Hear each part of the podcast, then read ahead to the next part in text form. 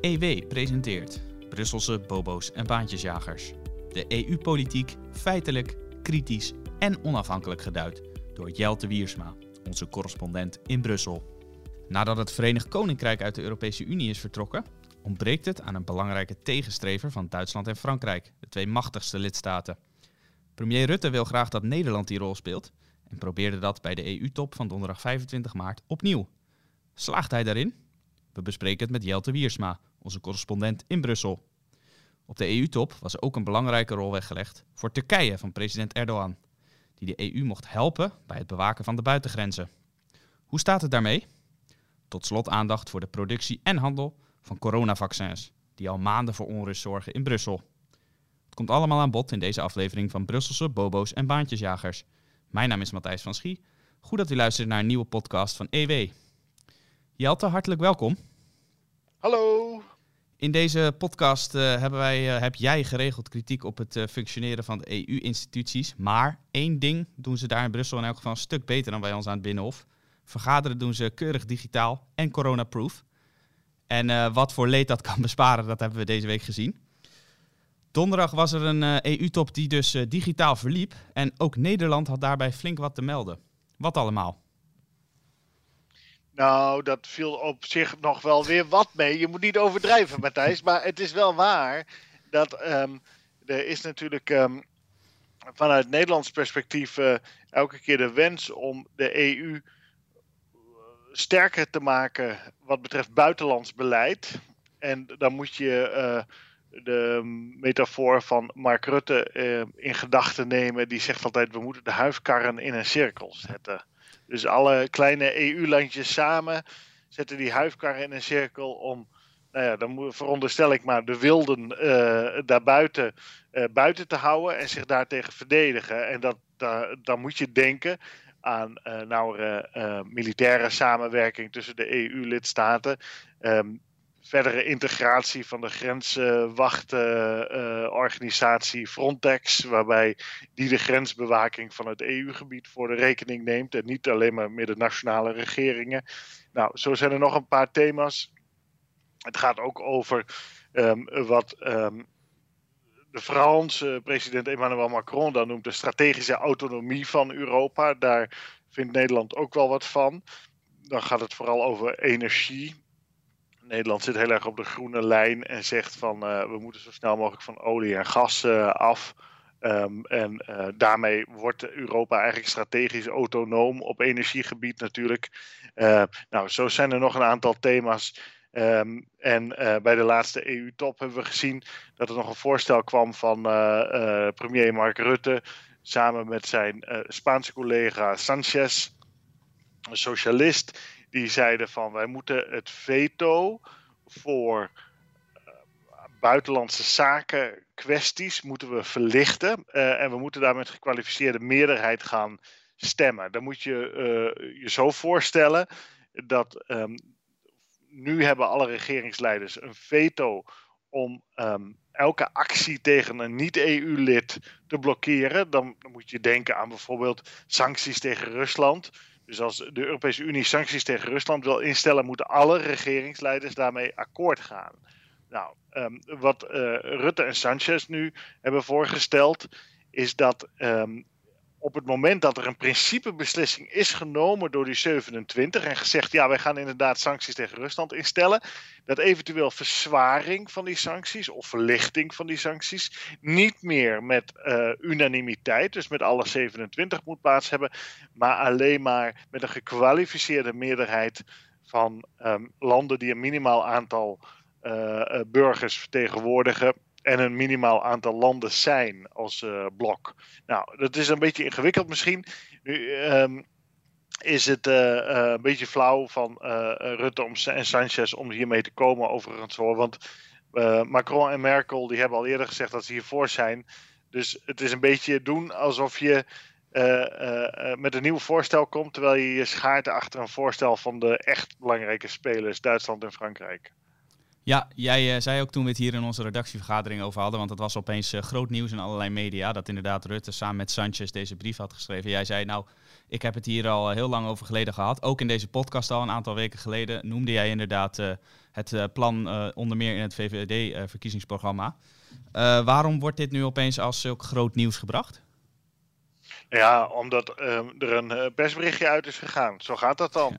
En dat kopiëren dan heel veel journalisten enthousiast. En Kijk, wat er wel van belang is, is dat het een soort ehm, PR-momentje is voor Rutte met Sanchez. Je moet je voorstellen, Sanchez heeft Rutte nog niet zo lang geleden voor rotte vis uitgemaakt, omdat Nederland niet op een presenteerblaadje in eerste instantie de, de gouden staven, bankbiljetten en zilverstukken wilde neerleggen en aan Spanje en Italië wilde geven. Nou, dat is natuurlijk voor de relaties niet zo goed geweest. Nu is het um, wel aardig natuurlijk als een premier zoals Rutte probeert dat soort banden toch een beetje te lijmen. Uh, en te zeggen van hé, hey, waar zijn we het wel over eens? En zullen we dat dan samen even op een papiertje zetten en dan doen we een persberichtje uit. En dan sturen we dat even naar de voorzitter van de Europese Raad en de Charles Michel, de Belg, en de Europese Commissie, Ursula von der Leyen. En dan uh, leveren, wij, uh, leveren, wij, samen een positieve bijdrage aan de Europese Unie. Zo moet je dat zien. Dus het is allemaal window dressing. Dus uh, veel PR, diplomatie. Ehm, diplomatie is altijd hè, aan de buitenkant moet je allemaal vriendjes zijn, maar achter de schermen gaat het spijkerhard. Nou, tussen Rutte en Sanchez ging het aan de voorkant spijkerhard. en om dat een beetje te lijmen, is zo'n voorstel dan naar voren gekomen.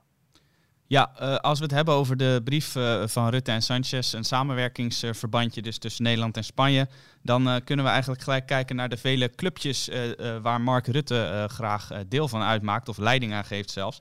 Je hebt een commentaar geschreven op onze website vrijdag 26 maart, waarin jij uitgebreid ingaat op die vele clubjes die Nederland wil vormen in de EU. wat voor clubjes zijn dat bijvoorbeeld en, en waarom doet Nederland dat?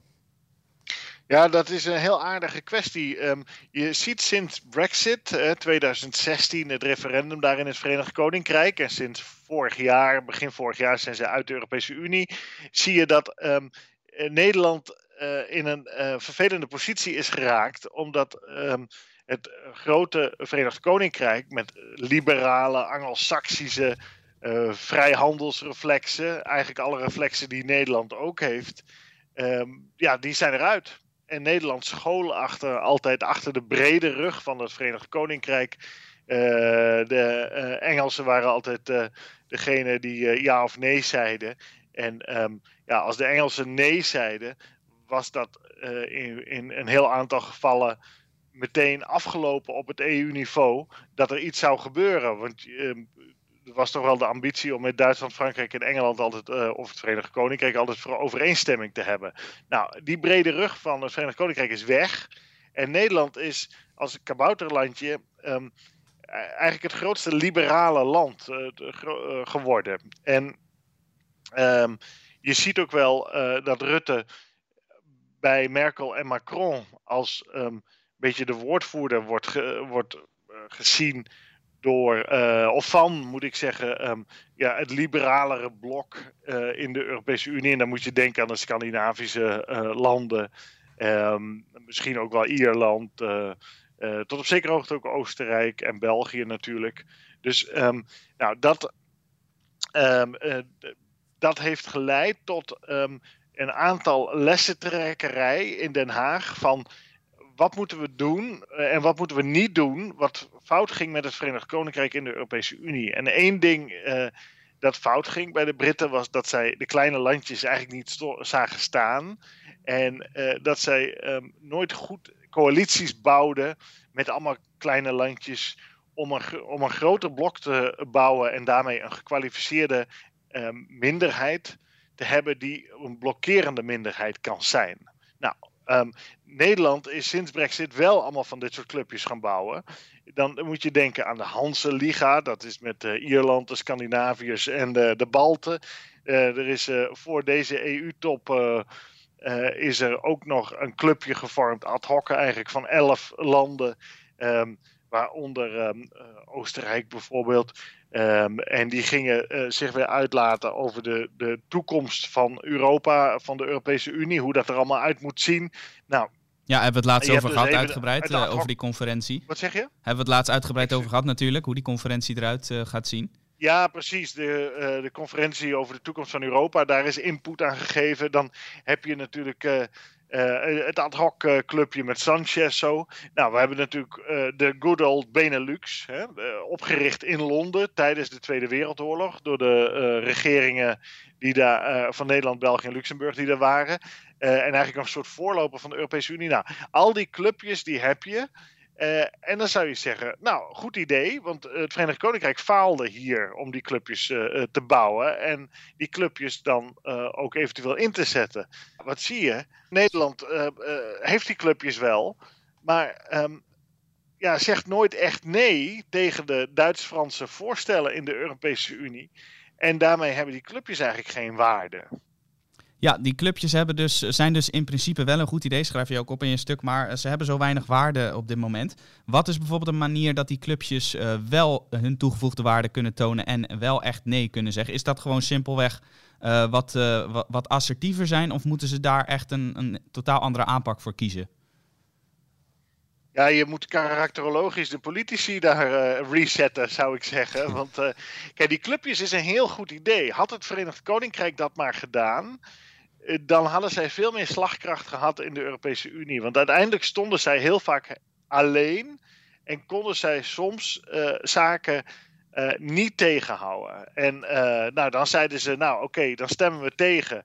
Denk bijvoorbeeld aan de aanstelling van Jean-Claude Juncker als commissievoorzitter in de vorige legislatuur. Toen had je alleen het Verenigd Koninkrijk en Hongarije die tegenstemden. Ja, dat was een beetje sneu voor ze.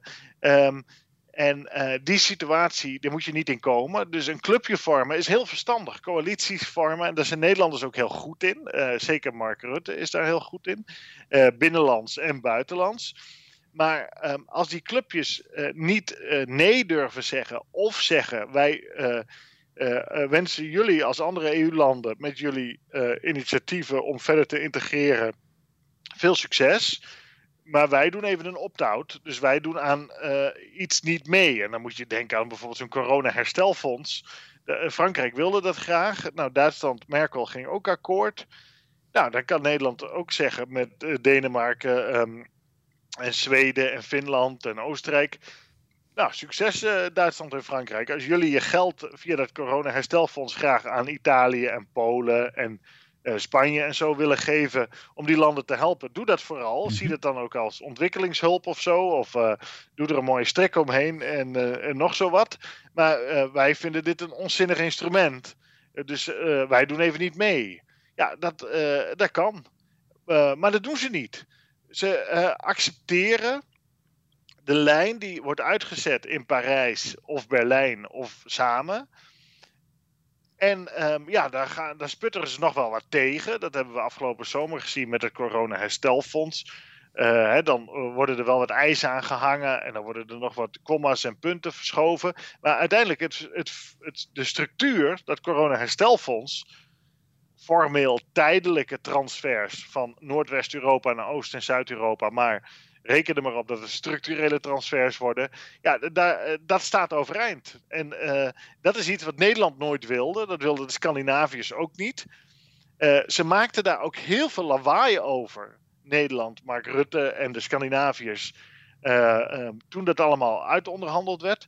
Maar het puntje bij paaltje, ze zetten toch hun handtekening. Ja, dat is een totale nederlagenstrategie. als je zo gaat opereren. En ehm, uh, de eurofielen, uh, die vind ik aan mijn kant overigens in deze analyse. Dat vind ik wel aardig, want die zeggen ook wat Nederland doet is een nederlagenstrategie. Eerst heel veel lawaai maken, zeggen we willen het niet, we willen het niet, we willen het niet. We willen het ook niet, en terecht, want uh, rationeel is het vaak ook helemaal niet goed. En het kost ons al de klauwen van geld, maar... Ehm, uh, afgezien uh, ja, daarvan, als je dan wel altijd gaat tekenen bij het kruisje, uiteindelijk na heel veel lawaai, ja, dan heb je inderdaad een nederlagenstrategie. Dan kan je beter van het begin af aan zeggen: we zijn voor. Hè? Dus eigenlijk deel, deel, jij dezelfde analyse als de eurofielen door te zeggen Nederland maakt lawaai, maar maakt het vervolgens niet waar. Maar de eurofielen zeggen Nederland moet dat lawaai helemaal niet maken. En jij zegt Nederland mag best dat lawaai maken, maar maak het dan ook waar. Ja, zo is het. Zo is het. Maar de eurofielen hebben ook gelijk in dit. Die, die hebben wel eens vaker gelijk hoor. Dat, dat is. Ehm, op zich een nuchtere analyse van je doet of het een of het ander. Maar, maar, ja, Nederland doet, het, kiezen, hij doet eigenlijk het slechtste van twee werelden. En op het moment dat Nederland zijn voet niet stijf houdt, dan zie je dat ja, Zweden uiteindelijk ook wel door de pomp gaat. Finland ook. Denemarken wil nog wel eens wat harder tegensputteren. maar als Nederland het laat vallen, ja, dan is de, um, verzetsbarrière eigenlijk weg. De anderen zijn of te klein, of hebben niet het temperament of de uh, vuurkracht of de wilskracht om daar een rol in te spelen. Dus um, uh, dat is uh, ja, wel treurig. Dat Nederland ja. zit in een positie waarin het wel wat kan doen, maar het grijpt die positie niet en het um, ja, laat de EU volgens Frans-Duitse lijn verder ontwikkelen. Ja, en dat is, da, daar zit een prijskaartje aan voor Nederland. Um, en dat niet alleen. Dat leidt ook tot gewoon slecht beleid in Brussel. Ja, jij zegt net, uh, ik denk dat het een, een, eh, een terechte opmerking is van uh, de deden de Britten dit maar, had het Verenigd Koninkrijk maar dit soort clipjes aangevoerd. Want het Verenigd Koninkrijk is natuurlijk historisch gezien ook in ieder geval minstens de derde machtigste speler in Europa, naast Frankrijk en Duitsland. Terwijl Nederland kan wel zeggen van wij willen die derde speler zijn, maar is dat niet ook een beetje grootspraak? Want er zijn natuurlijk heel veel landen die groter zijn dan Nederland en ook veel meer inwoners hebben. Nee, natuurlijk is Nederland niet de derde speler. Dat uh, zeggen de hele tijd Nederlandse diplomaten tegen mij. Ja, wij zijn toch wel de derde speler. Ja, dat is niet zo. Uh, kijk nou naar de feiten. Uh, Eerste feiten, heel goed. Eerste feiten, ja, ja, ja, wij doen altijd aan de feiten eerst. Kijk, Italië is vier keer groter qua, qua bevolking dan Nederland. Vier keer. Nou, laten we even kijken naar de hoofdpunten van de afgelopen jaren. Dat is uh, uh, dat Nederland overal verloren heeft en Duitsland of in Italië overal gewonnen. Kijk, de Europese Centrale Bank is geen uh, Bundesbank geworden. er wordt massaal geld bijgedrukt. De rente is laag om Italië te helpen. Het coronaherstelfonds natuurlijk, 209 miljard euro naar Italië, dank u wel alstublieft. En Nederland betaalt zeker zo'n 20 miljard aan, aan dat feestje. Um, regels worden niet nagekomen. Nederland hamert altijd op regels, regels, regels. Nakomen. Gebeurt niet. Nederland wilde verspreiding van asielzoekers over heel Europa. Nou, Polen uh, uh, en um, dat twee keer volkrijker is dan Nederland, heeft gewoon gezegd: doen we niet. Ook al beslissen jullie als rest van de EU-landen dat uh, we asielzoekers moeten overnemen, opnemen, dat gaan we niet doen. Uh, dus die saboteerde de hele boel. Dus er is ook helemaal niks van terechtgekomen. Nou, uh, zo kan ik nog wel even doorgaan. Dat, uh, ja, het, Brexit is natuurlijk een totale diplomatieke nederlaag voor Nederland. Dat Nederland er niet in is geslaagd om het Verenigd Koninkrijk binnen de EU te houden. Dat is ja, een, een, een, feestdag geweest in Parijs. Dat het Verenigd Koninkrijk, die dwarsliggers eruit waren, hè, die, die liberalen die, die maar geloven dat de vrije markt tot welvaart leidt. Hè? Die, die perfide Engelsen die zijn er eindelijk uit. Parijs vond het prachtig, Rome vond het prachtig. Berlijn was een beetje uh, ongelukkig ermee, maar goed. Uh, in ieder geval, de, de, uh, dat was ook een nederlaag voor Nederland. Op alle grote punten gaat, gaat het niet goed. de Europese Unie begroting. Nederland wilde hem omlaag. Hij is omhoog gegaan. Um, Nederland wilde uh, de landbouwsubsidies zwaar uh, uh, korten. Nou, landbouwsubsidies worden nauwelijks gekort. Nederland wilde dat er geen geld meer in allerlei corrupte zakken in Oost-Europa en Zuid-Europa belanden. Dat gebeurt wel. Ik, ik kijk naar. Ik kwam het laatst nog tegen. Een snelweg aanleggen in Bulgarije is, ik geloof, drie keer duurder dan in Noorwegen. Terwijl de personeelskosten in Noorwegen hoger liggen. En dat ook nog een uitdagender uh, geografie heeft met veel meer bergen. Waar gaat het geld naartoe? Hoe komt dat? Waar gaat het geld naartoe? Nou ja, rond de premier Borisov van, van Bulgarije, die, die eruit ziet als een, uh, als een uitsmijter van een uh, plattelandsdiscotheek. Hij is ook nog topsporter geweest, hè? Wat zeg je? Die is ook nog topsporter geweest, toch? Die Bulgaarse premier, of is dat van een ander oh, land? Dat weet ik niet. Die, die, die, die Plenkovic van Kroatië Sorry, is ja, professioneel bank, basketballer geweest. Maar um, Excuus. Nu, nu, breng, nu, breng, jij mij weer helemaal in de war. Ja. Uh, maar in ieder geval, we waren in Bulgarije. Um, prachtig land overigens. Uh, zeer aan te raden om te bezoeken. De Zwarte Zeekust is erg mooi. Um, maar uh, ja, daar gaat dus massaal Nederlands belastinggeld in allerlei criminele zakken. Het is werkelijk waar verbijsterend. Dus het is nederlaag na nederlaag. En ondertussen wordt mij dus ingefluisterd door Nederlandse diplomaten. Ja, wij zijn de derde speler. Ja. ja. Uh, sorry, maar Italië krijgt wel wat ze willen. Polen krijgt wat ze willen. Uh, Nederland, uh, Polen zegt ook, wij willen, we, Polen moet officieel meedoen aan de euro. Zeggen ze gewoon, doen we niet, hebben we geen zin in. want dan moeten we gaan betalen voor Italië en dat willen we niet. Nou, dus Polen ze, doet dat gewoon niet. Ja, zo kan je ook je belangen... Maar Zweden voor de mensen die Polen een niet beschaafd genoeg land vinden. Zweden doet dat ook. Die moet formeel ook toetreden tot de euro, doet dat ook niet. Die zeggen gewoon, ja, onze boekhouding uh, is niet helemaal sluitend en dat klopt niet helemaal, dus wij kwalificeren niet om mee te doen aan de euro. Nou, zij zijn ongeveer het enige land in, uh, ter wereld dat kwalificeert om wel de euro in te voeren, met een lage staatsschuld, lage tekorten enzovoort. Dus die, die landen die, die, die spelen wel hardball. Ja, en uh, ik vind het toch wel een beetje gênant, eerlijk gezegd. Uh, en, maar anderen vinden het ook gênant. Dat is zo interessant, Matthijs. in andere landen zeggen ze ook: God, die Nederlanders die maken zo'n lawaai. En, en ze zijn de derde, vinden ze zelf. En, en ze willen het zus en ze willen het zo. En uh, ja, uiteindelijk, de tragiek is van dit alles dat er andere landen zijn uh, die het spelletje wel wat slimmer ja, spelen. Daar wilde ik naartoe inderdaad met mijn vraag. Want uh, als ik zo die indrukwekkende en uh, treurige lijst met nederlagen van Nederland hoor, dan denk ik ook, nou, Nederland kan beter niet zo'n grote broek aantrekken. Rutte en zijn diplomaten kunnen beter een toontje lager zingen. En inderdaad kijken naar landen die het in dit opzicht beter doen. Als ik dan kijk naar landen met een ongeveer vergelijkbare grootte, bijvoorbeeld België, kunnen wij iets van onze zuidenburen leren? Ja, natuurlijk. Kijk, de Belgen die spelen het veel beter dan wij. Dus de Belgen zijn veel intelligenter dan de, de, Nederlandse politici in dit verband. Kijk, de Belgen die hebben nooit een publieke mening in de Europese Unie. Um, maar wat ze wel hebben, is dat ze um, ervoor zorgen dat ze allemaal mensen op uh, belangrijke posities altijd hebben. Um, Nederland uh, heeft natuurlijk uh, met Timmermans wel geprobeerd om het uh, commissiepresidentschap in de wacht te slepen, maar dat is weer niet gelukt. Nou, de Belgen die zitten altijd in die topfuncties. die hebben nu weer Charles Michel als voorzitter van de Europese Raad. Daarvoor hadden ze bij de Raad Herman van Rompuy. En nou ja, ga maar door, ga maar door. In ieder geval, um, het Nederlandse ministerie van Financiën, die heeft een heel aardig onderzoek gedaan naar wie welk land is nou de grootste netto-betaler uh, aan de EU en welk land is nou de grootste netto-ontvanger? Dat hebben ze gedaan omdat ze zeiden dat de berekening van de Europese Commissie niet klopte. En financiën had ik wel gelijk, want de Commissie, de Europese Commissie, rekent niet mee bijvoorbeeld uh, allemaal uitgaven die de EU doet aan personeel en gebouwen um, die uh, in een bepaald EU-land staan. En dat moet je natuurlijk wel meerekenen. En als je dat meerekent, dan is Luxemburg het land met het hoogste inkomen per hoofd van de bevolking in Europa, hoger dan Zwitserland en Noorwegen uh, en Liechtenstein. Dat Luxemburg is de grootste netto-ontvanger van EU-geld. Omdat in Luxemburg, dat is natuurlijk een soort Drenthe als je daar komt. Dat is, uh, er wonen een paar honderdduizend mensen en dat staat vol met EU-gebouwen.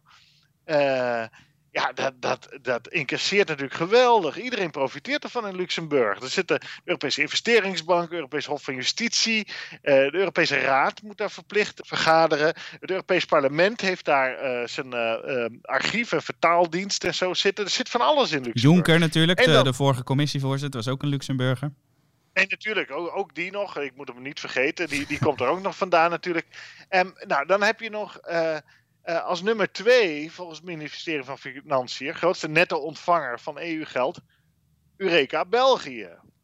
Dus Nederland zit in de Benelux. Ja. En Luxemburg en België. Zo, uh, Luxemburg het rijkste land. België zo'n beetje het rijkste land van Europa. Vlaanderen de rijkste regio zo'n beetje van Europa. Hè? Vlaanderen is heel rijk. Die betalen niks. Nee, die ontvangen geld. Dat is goed geregeld. Ja, doen ze goed. En dan, en dan hebben we dus Nederland in het lijstje van financiën grootste netto betaler per hoofd van de bevolking. Dus we hoeven maar uh, een meter over de grens te kijken en we kunnen leren van de Belgen en de Luxemburgers hoe het wel moet. Maar wat doet Nederland? Uh, zeggen dat, we, ja, dat Nederland de derde speler is in de EU. Heel veel lawaai maken. Eén naar de andere nederlaag leiden. En de Nederlandse bevolking mag, mag ja, dit foute festival, want dat is het gewoon. Je kan het niet anders bekijken, betalen met uh, strafgeld. Want ja, wie een grote maal heeft, die betaalt uiteindelijk uh, uh, voor die grote maal. En ja, dat is toch, ja, het is, gewoon gênant. Je kan het niet anders bestempelen. En het zijn de cijfers, dat is natuurlijk ook het leuke. Ik gebruik niet de cijfers van de commissie, ik gebruik gewoon de cijfers van de financiën onder Wopke Hoekstra, regering Rutte. Dus, uh, dus, dus Nederland geeft eigenlijk zelf toe, om het maar even plat te zeggen, dat ze zich laten naaien.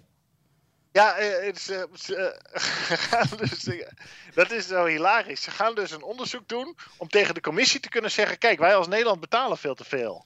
Nou, maar ja, dat onderzoek bewijst net zozeer dat de Nederlandse uh, politiek en diplomatie ja, het niet zo heel slim spelen natuurlijk. Dus, je, uh, maar dat hadden ze denk ik niet bedacht toen ze dat onderzoek bestelden bij Financiën. Maar in ieder geval, uh, we hebben er maar weer plezier om.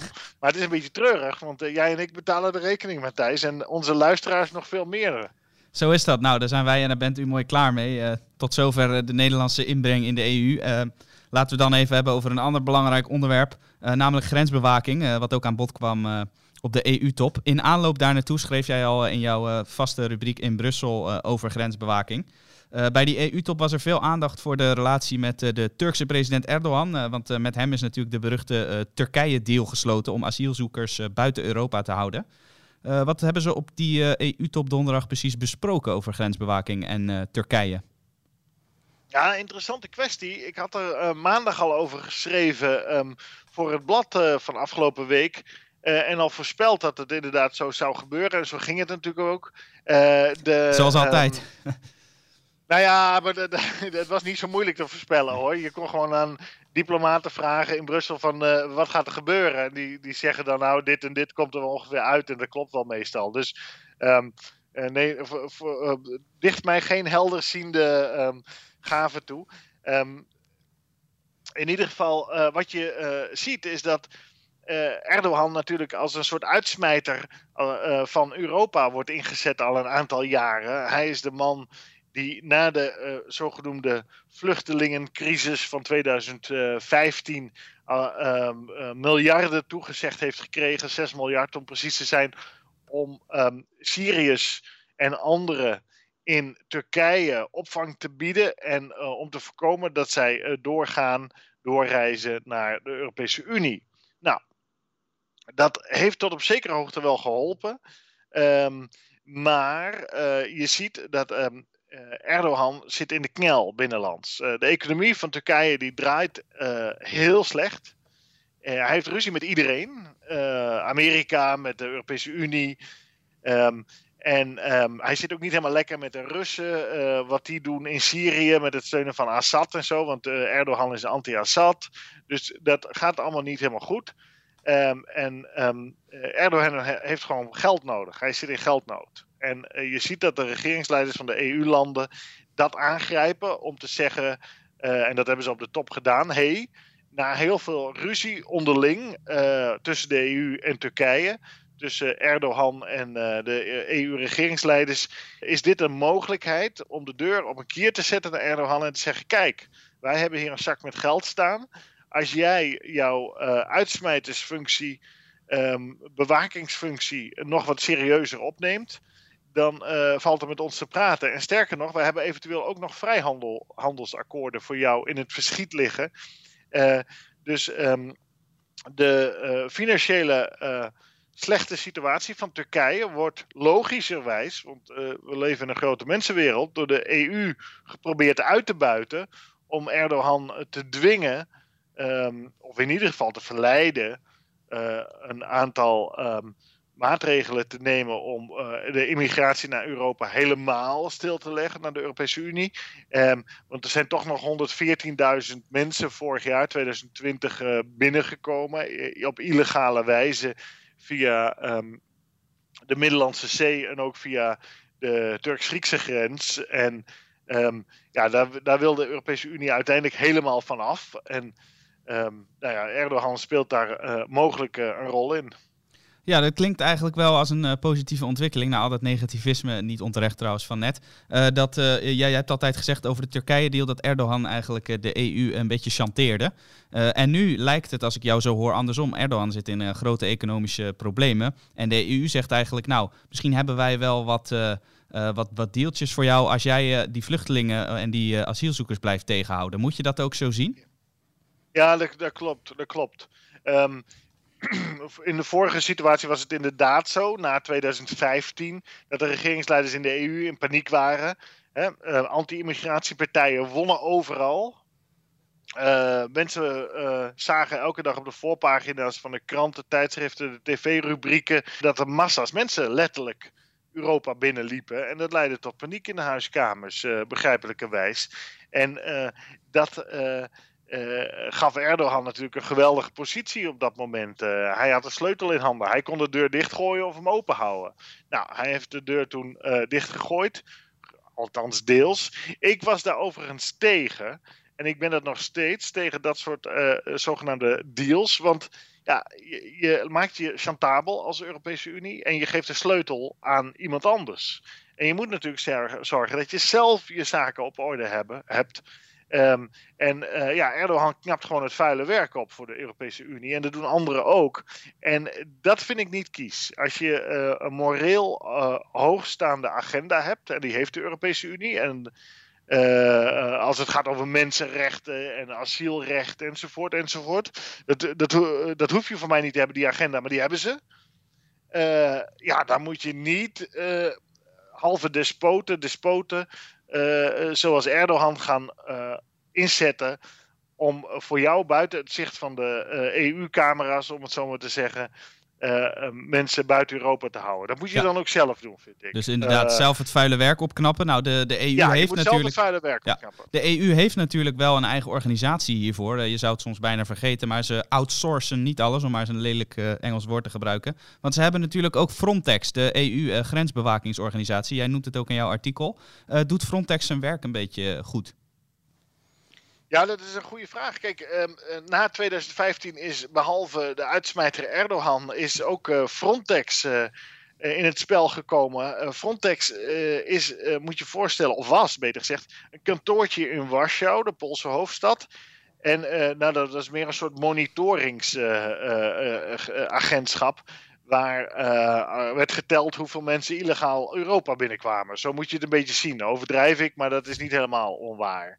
Ehm, nou, uh, Frontex uh, is uh, na een beslissing in 2016 door de Europese Raad omgetoverd tot een serieuze grensmacht. En daar moeten uiteindelijk 10.000 mensen als grenswachter gaan werken die ehm, ja, illegalen buiten Europa houden. Dus mensen die geen asiel willen aanvragen of mensen die geen visum hebben, die mogen niet meer binnen. En um, Frontex uh, wordt een gewapende organisatie, dat is het al deels. Uh, uh, je ziet al Duitse grenswachters aan de Griekse-Turkse grens, die dan met een armband Frontex om daar lopen. En dat wordt voor het eerst dat de Europese Unie een gewapende organisatie heeft die ingezet kan worden. Um, ja, past dat bij die, bij die moreel hoogstaande positie die de EU wil aannemen wat betreft asielbeleid?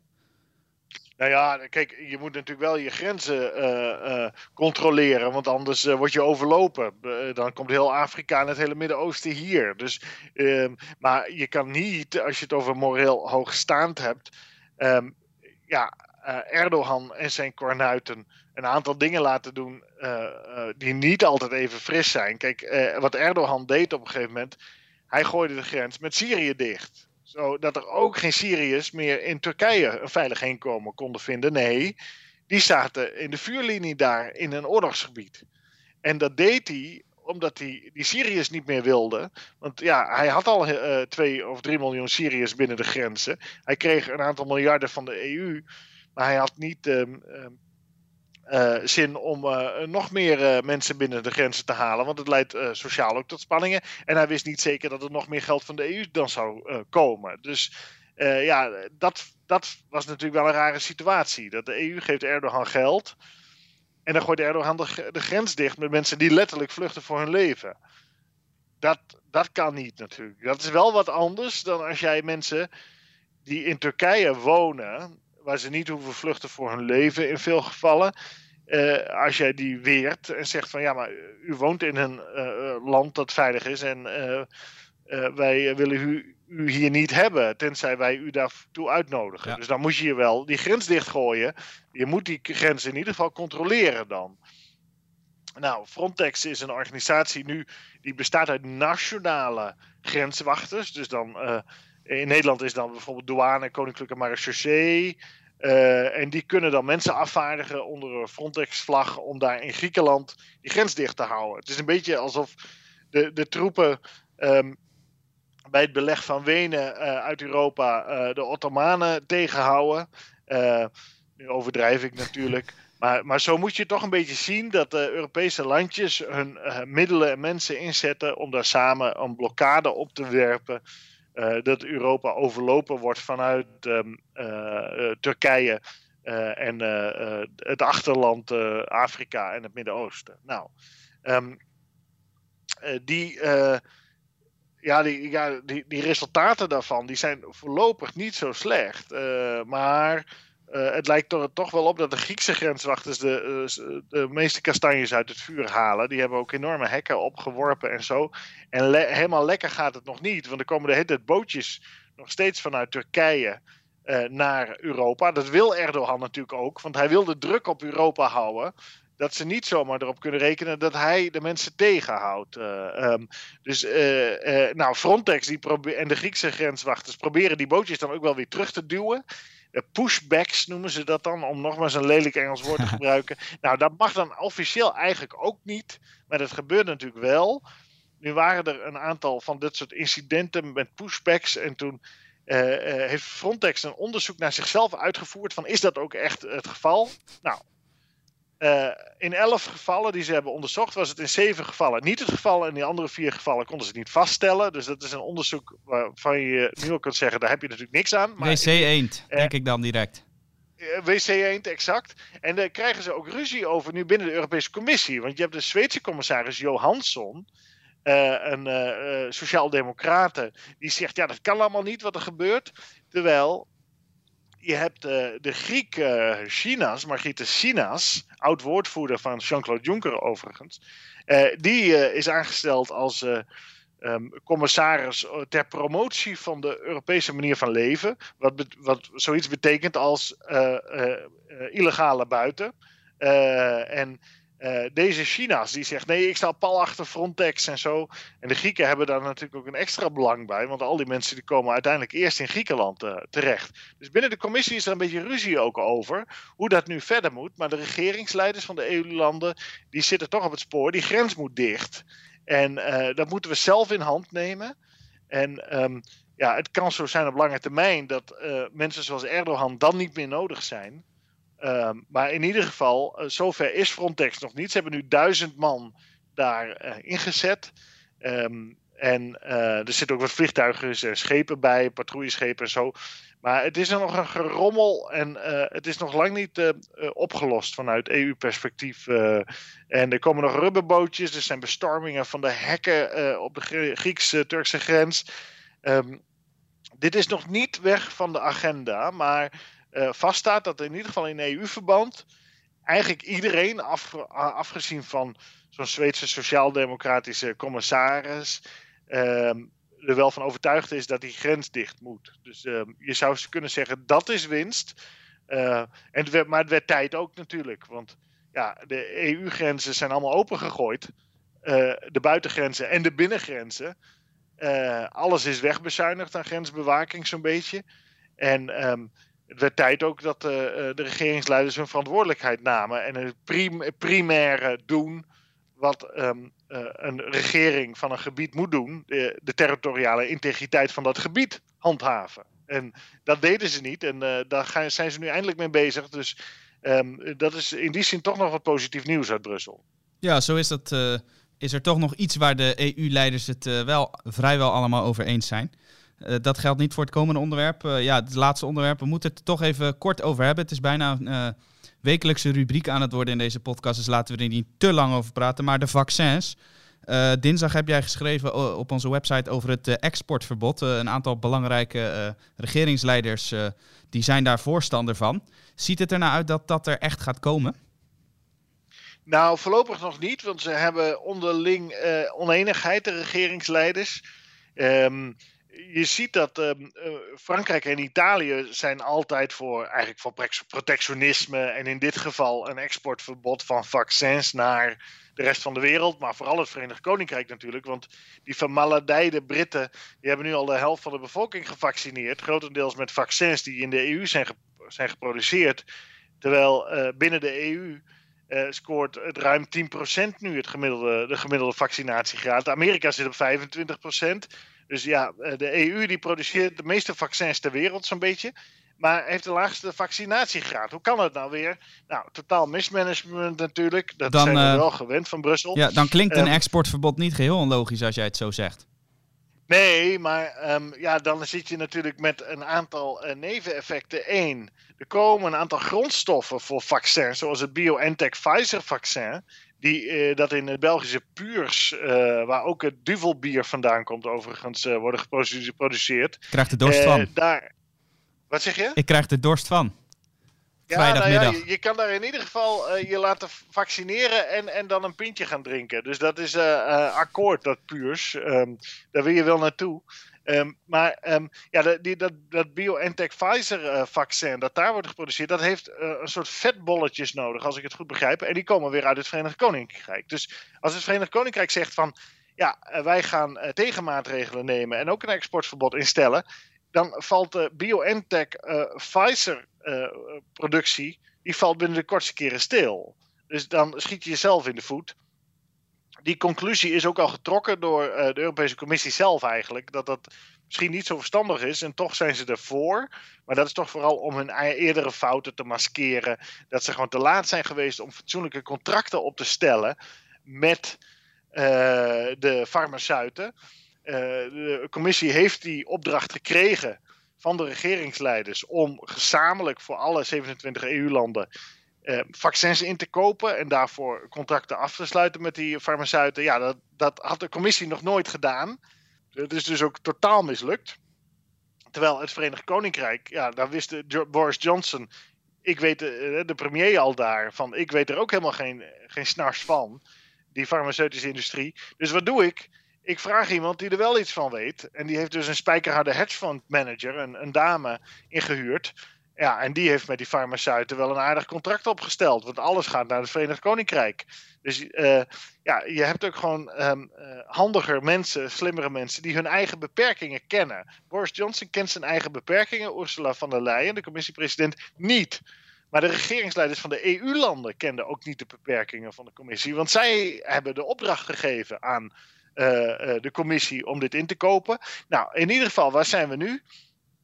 Um, de frustratie loopt zo hoog op dat um, uh, je op basis van informatie van de commissie een inval hebt gezien van de Italiaanse autoriteiten, de Carabinieri, hè, de militaire politie. Dat zijn die mannen in die mooie zwarte pakken, die meestal in de espresso bar rondhangen, heb ik overigens mogen observeren.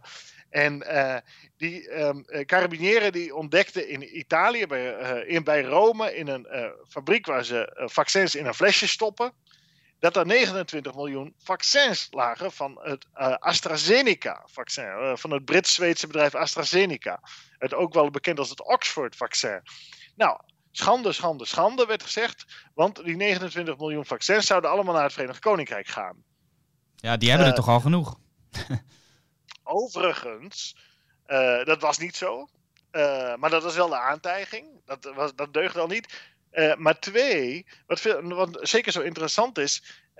een deel van die vaccins kwamen uit de Halix-fabriek bij Leiden. In Leiden, in Nederland. Um, maar die fabriek is niet gecertificeerd door de Europese Geneesmiddelenautoriteit, de EMA in Amsterdam. Ik heb trouwens ehm, begrepen, ik kreeg net voor deze podcast een pushbericht binnen. uh, dat ze inmiddels ge gecertificeerd zijn. Dus goed om dat even te melden voor de luisteraar. Oké, heel goed, heel goed. Want ze zijn inderdaad, uh, dat was in het proces. De Britten hebben overigens die fabriek, begrijp ik, ook niet ge gecertificeerd. Maar die interesseert het geen bal. Die hebben gewoon die, die, die vaccins uh, gekocht. Dus ja, die, die, die fabriek in, in Nederland kon dus die vaccins helemaal niet leveren voor de EU-markt omdat die fabriek geen eh, certificaat daarvoor had. Dus um, de commissie slaat wild om zich heen. Uh, met aantijgingen, met, met, dus ook verdachtmakingen richting fabrieken. Die, stuurt, die tipt dus nationale autoriteiten, zoals de Italianen, van ga eens in zo'n fabriek kijken. En dat, al die vaccins die gaan naar het Verenigd Koninkrijk. Maar het is allemaal een, een wild geraas om uh, maar stofwolken te doen opblazen, zodat wij als brave burgers geen zicht meer hebben op de werkelijkheid. En de werkelijkheid is een totaal falen van de Europese Commissie. En dat is de verantwoordelijkheid niet zozeer van de Europese Commissie, maar van de nationale regeringsleiders, onder wie Mark Rutte, die een incapabele club, de Europese Commissie, de verantwoordelijkheid voor dit hele gedoe hebben gegeven.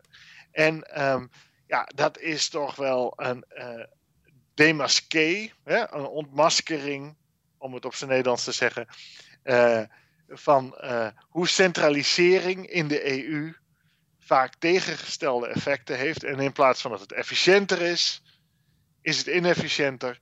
Ja, en je zou zeggen, dit is toch een les voor de hele EU, voor alle regeringsleiders dat er grenzen zijn aan wat je kunt centraliseren. Dat er nadelen zijn aan centralisatie. Dat het misschien wel verstandig is om na te denken om macht terug te brengen naar de nationale hoofdsteden. Maar nee, er wordt uh, door de commissie gescholden op uh, het Verenigd Koninkrijk.